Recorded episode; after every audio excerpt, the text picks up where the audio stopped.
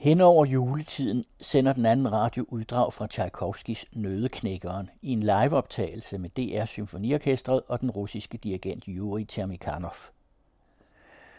Nødeknækkeren er et eventyr af den tyske romantiske Hoffmann, et af Hoffmanns eventyr, og handler om juleaften.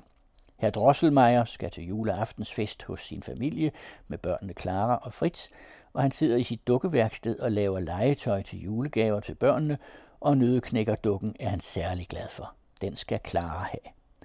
Og herr Drosselmeier har en tryllestav, og den kan noget særligt.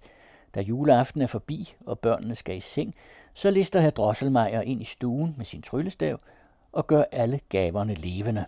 Snedronningen og snefnukkene og bolsjefeen, den kinesiske og russiske sprejlemand, musedronningen og små marcipanpiger. I sidste uge fik vi første del af svitten fra andet akt med de to første scener og divertissementet.